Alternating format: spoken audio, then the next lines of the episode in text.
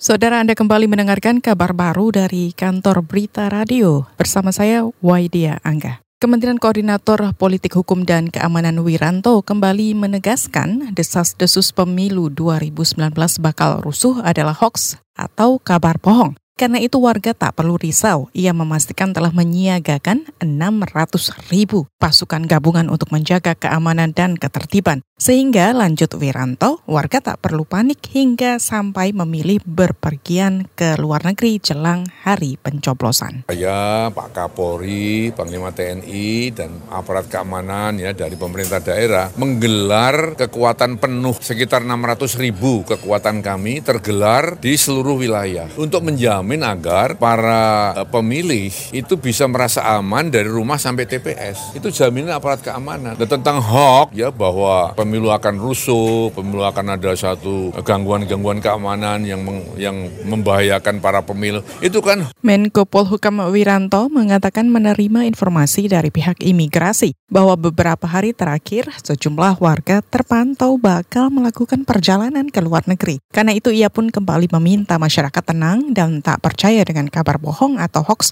yang menyebut pemilu 2019 bakal rusuh. Untuk menjamin keamanan pula, kata dia aparat juga tak ragu menindak penyebar hoax yang meresahkan warga.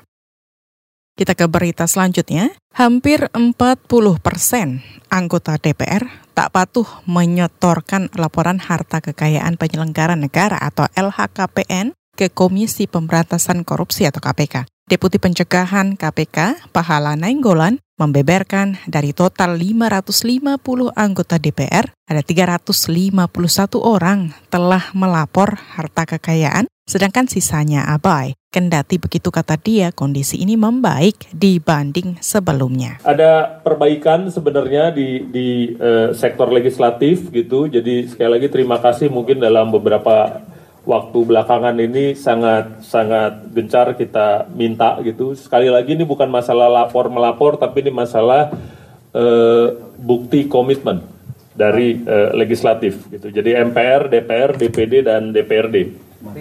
Terutama DPRD. Deputi Pencegahan KPK Pahala Nainggolan mengatakan fraksi Nasdem jadi partai yang paling patuh melaporkan LHKPN, sedangkan yang bandel setor LHKPN dari fraksi Gerindra. Padahal menurut Pahala, LHKPN bisa jadi salah satu indikator integritas dan kejujuran kontestan pemilu.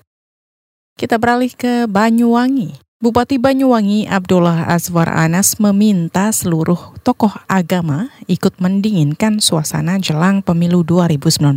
Ia juga mengimbau agar tim sukses pasangan calon presiden dan wakil presiden hingga anggota partai politik tak menggunakan isu agama untuk kepentingan perolehan suara. Kata Anas, menjaga kerukunan antar umat beragama jauh lebih penting dibanding menungganginya semata untuk kepentingan politik yang sementara. Perjalanan kereta api lokal seperti Seri Tanjung dari Banyuwangi tujuan Jakarta, Probowangi dari Banyuwangi Surabaya dan juga Tawangalun Banyuwangi ke arah Malang. Bupati Banyuwangi Abdullah Azwar Anas menambahkan daerahnya harus tetap aman terlepas dari siapa pun yang terpilih menjadi presiden dan wakil presiden pada pemilu 2019.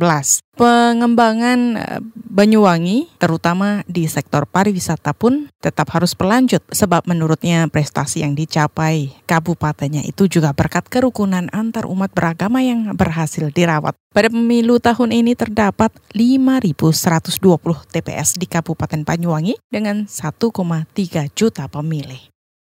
Kita ke berita olahraga. Umpatan yang tercetus dari mulut striker Atletico Madrid, Diego Costa berbuntut panjang. Ia terancam sanksi tak boleh bermain hingga akhir musim ini lantaran menghina wasit Jesus Gil Manzano saat laga melawan Barcelona di Camp Nou. Diego Costa dianggap telah melewati batas karena memprotes keputusan wasit dan mengumpat dengan lantang ke arah Manzano. Striker Atletico itu geram sebab wasit tak acuh akan pelanggaran terhadapnya.